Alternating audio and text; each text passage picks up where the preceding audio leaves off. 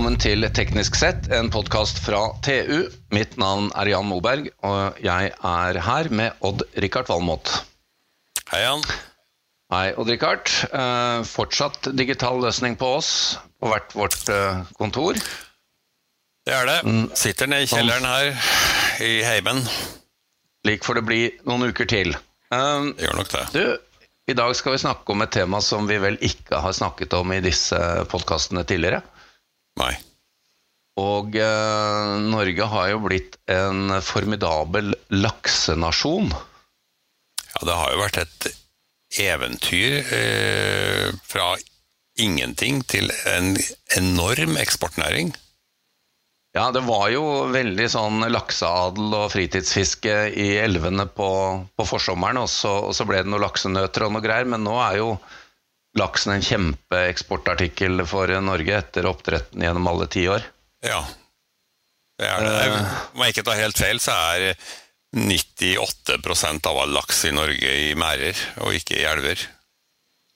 Ja, Og det sier jo litt, jo litt- og noen rømmer innimellom. Men det som er interessant, er jo at eh, torsken, som jo var eh, den store fisken eh, for eh, Jeg tenker da på skreifiske og, og lofotfiske.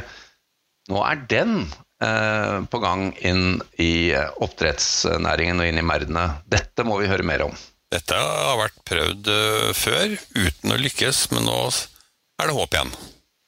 Ja, og derfor så har vi fått med oss eh, bærekraftdirektør Hilde Storhaug fra Norcod. Velkommen, Hilde. Tusen takk. Du må fortelle oss litt om hvorfor nå eh, vi har kommet til torsken. For det er som Odd Rikard sier, det var jo mye trøbbel en periode da dette ble forsøkt. Ja, det er helt riktig. Det har eh, vært gjort forsøk tidligere eh, der at eh, verken det biologiske materialet var helt på plass, eller markedsforutsetningene. Og kanskje prioriteringene på utstyrssida også eh, gjorde det eh, litt mer ja, hva skal jeg si, risikabelt enn nødvendig. Så eh, vi er nå fullt i gang eh, på en ny runde, der at vi absolutt har trua på at eh, det som har skjedd spesielt innen avl, gjør at man nå kan industrialisere torskeoppdrett. Hva var den store utfordringen i sin tid? Ja, det var, Hvis man skal se på det som sto av biologisk materiale i merdene, så var det jo basert på i starten der det villfisk. Eh, Så mye av atferdsproblematikk knytta til rømningsvilje og eh, kannibalisme var jo eh, utfordring, rett og slett.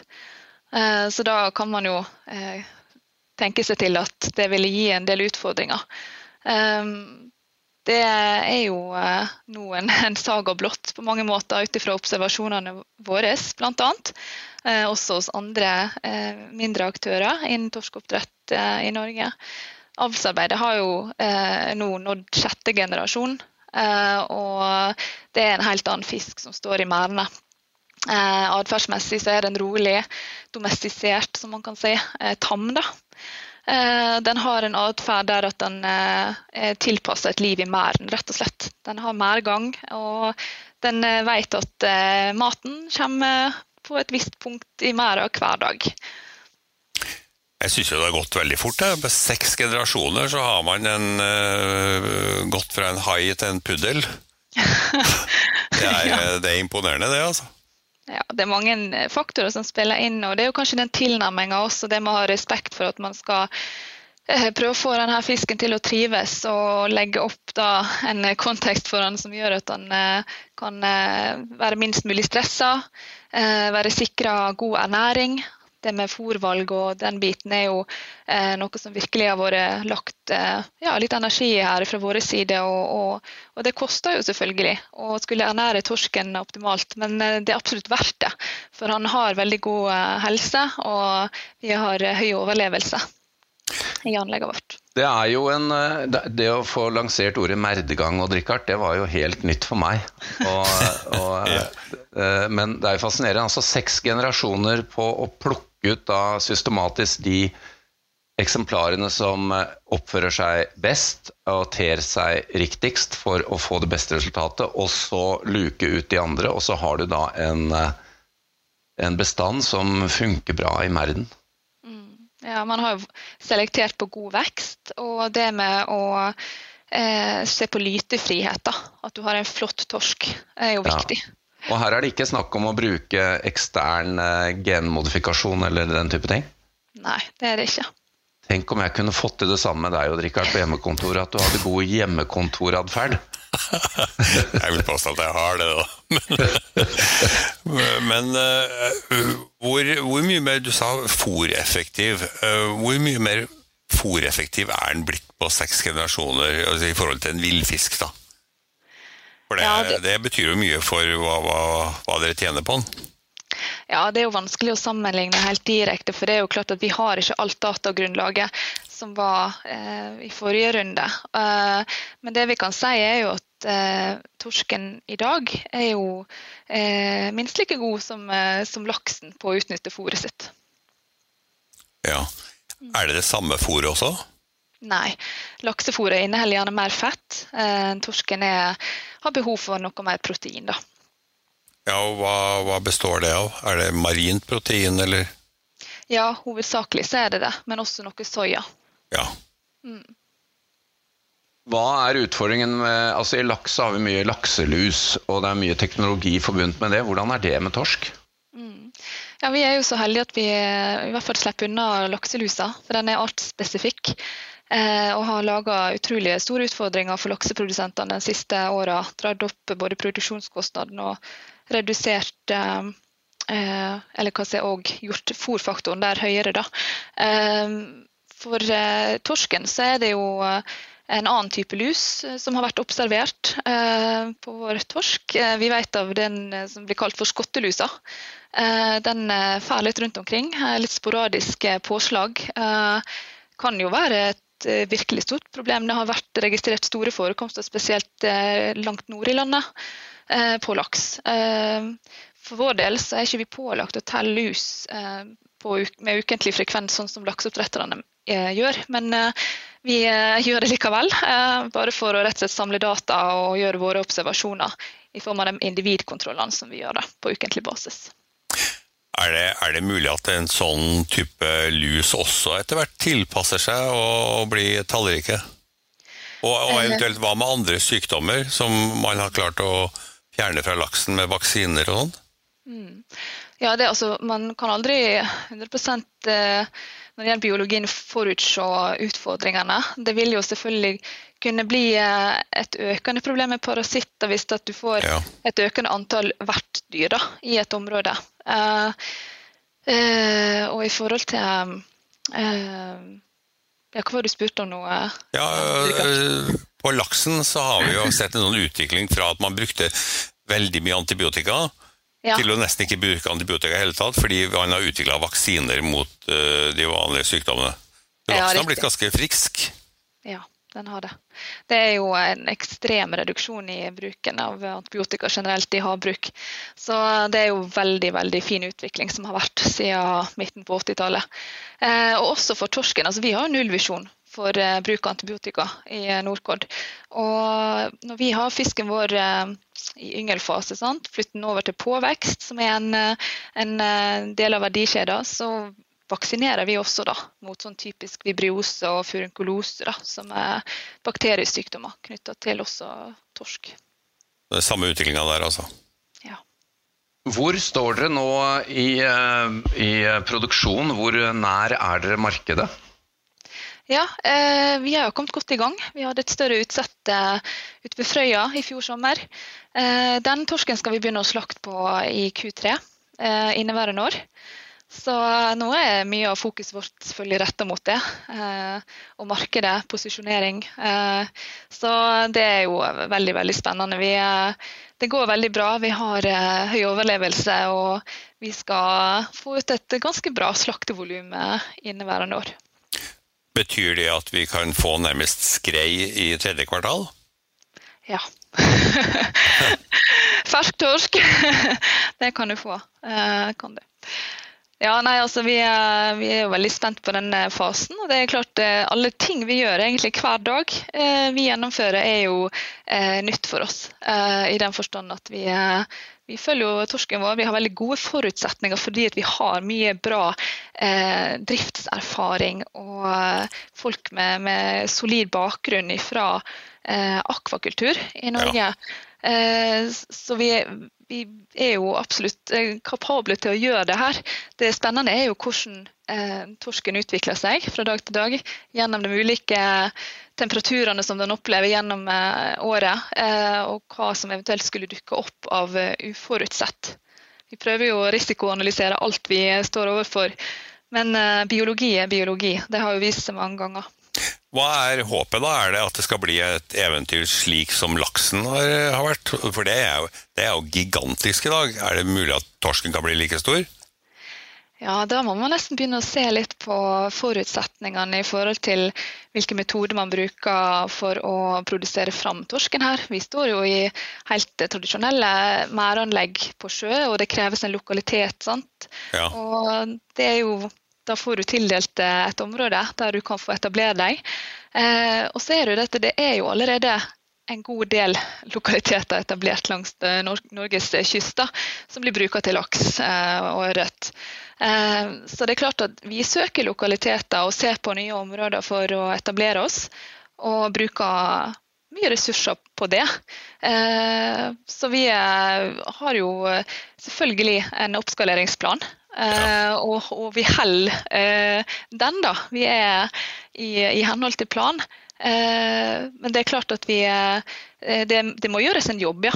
Så ja. det blir veldig spennende når vi nå, som største aktør, med de andre litt mindre, skal etablere oss både fra Midt-Norge og nord til Troms, som vi satser på, men også har du aktører nede på Stadlandet f.eks. Nå svarte du Hilde, på et av spørsmålene mine, som var hvor, hvor er det optimale området for torskeoppdrett? For jeg går ut fra at det har noe med temperatur i sjøen å gjøre og litt andre forhold. Og hva er eh, slaktevekt på, på en ferdig torsk? Mm.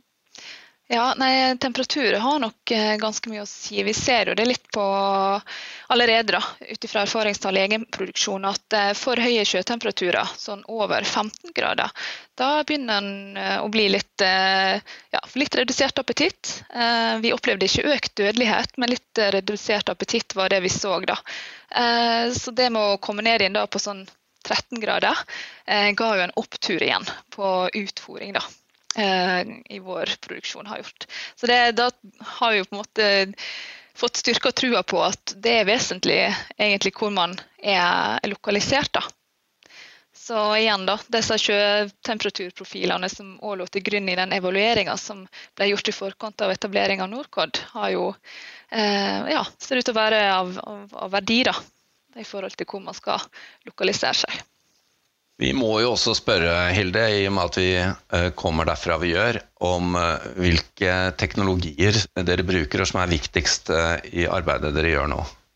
Ja, når vi etablerte drift på den storlokaliteten vi har ute ved Frøya, så gikk vi jo til innkjøp av nytt utstyr. Mærteknologien er jo den som vi finner i lakseoppdrett. 160-metringer nøtter oppi der. Eh, hvis man ser på fòrflåten som vi har valgt, eh, så er det en eh, hybridflåte. Vi må jo gjøre våre tilnærminger til det å ja, både synliggjøre og være bevisst på bærekraftselementer i vår produksjon. For vi skal jo bidra til det vi kaller for blå verdiskaping og økt andel av, av mat, altså rett og slett humankonsum, da, skal komme fra havet. Og det med å få ned CO2-trykket eh, gjør vi da bl.a. ved å gå for hybridløsninger eh, på, på, utstyr som ellers eh, utelukkende ville ha gått på diesel, f.eks. Mm. Mm. Dette liker vi å høre, for det er jo dere som næringsdrivende og ute i, eh, ja, i bedriftene som tar i bruk denne teknologien først. Så kommer eh, fritidsbåtsegmentet etter, og Richard, på, på nettområdet. Det ser, ser, ut som det blir elektrifisering eh, på sjøen òg, ja. Det gjør det. Ja, ja. Virkelig. Ja, vi har eh, også Hilde, ja. ja, nå avbrøt jeg deg. Ja, nei, jeg skulle bare supplere med at Vi har også en uh, arbeidsbåt, en katamaran, under bygging nå som også er elektrifisert. da, ja. Eh, Som straks i løpet av våren her kommer på, på sjøen. Det blir spennende å se. Um, jeg skulle spørre deg, for å, når dere begynner å Jeg har skjønt det sånn at dere begynner å, å slakte kommersielt da i Q3 i år. Ja. Må Odd Rikard jeg da bestille bord på en sånn uh, Michelin-restaurant for å smake på varen, eller vil det bli tilgjengelig på, på Rema og Kiwi? Litt, eh, jeg skal ikke uttale meg for bastant om hvor nøyaktig du skal kunne finne Norcod-torsken. Eh, vi skal begynne å slakte ja, i Q3. Eh, og markedet, sånn som det jobber med nå, på et relativt beskjedent slaktevolum hvis man begynner å sammenligne seg mot laks, så er det klart at vi, det, blir nok, det blir sendt sørover ned i Europa. Så det er ikke 100% fastsatt enda eh, hvor man finner det meste av, av Norcod sin torsk. Hva, hva, når du sier beskjedent uh, volum, hva, hva, snakker vi om? Ja, blir det noen kilo? Ja, eh, i år så ser budsjettet ut til at vi får eh, tatt ut ca. 5800 tonn rundvekt. Da. Oi. Ja. Det er jo en del, det. Det er mye. Um, jeg, jeg, var ikke sikker på om vi kom til det poenget, Hilde. Vi snakket om mye, men slaktevekten optimalt, ja. er det fire kilo, var det det du sa? Det er riktig. Ja. Rundt fire kiloen. Og det er det markedet som bestemmer? Ja, det er jo ofte sånn, da. Så vi, vi starter der. Eh, veldig bra. Hilde Storhaug, det var interessant å høre på. Og Odd Rikard, vi må jo teste dette produktet når det kommer på på banen. Jeg er jo veldig glad i torsk. Ja, Vi må vel til Paris, da, høres det ut for. ja, ja da får vi gjøre det, da. Det er jo ikke torsk å få ute i ytre Oslofjord, der vi driver og, og Nei. har forsøkt Nei. å pilke, pilke, litt de siste åra. Mm. Og får du en, så må du hive den ut igjen. ja. ja, det var det. Eh, Hilde Storhaug, takk til deg og lykke til videre. Eh, takk til Odd-Rikard Valmot og til vår produsent Sebastian Hagemo. Og mitt navn er Jan Moberg. Dersom du ønsker å konsumere enda mer innhold fra oss i TU.no og digg.no, anbefaler vi at du blir abonnent. Det vil gi deg tilgang til alt vårt innhold innen energi, elektrifisering, forsvar, fly, samferdsel, byggenæring, industri, maritime næringer, karriere og mye, mye mer fra vår kyndige redaksjon. Du vil da også få tilgang til alle sakene Odd Rikard skriver om sine 687 favorittområder. Vi har også egne avtaler for bedriftsabonnement og som om ikke det var nok, medlemmer av Nito og Tekna for halv pris.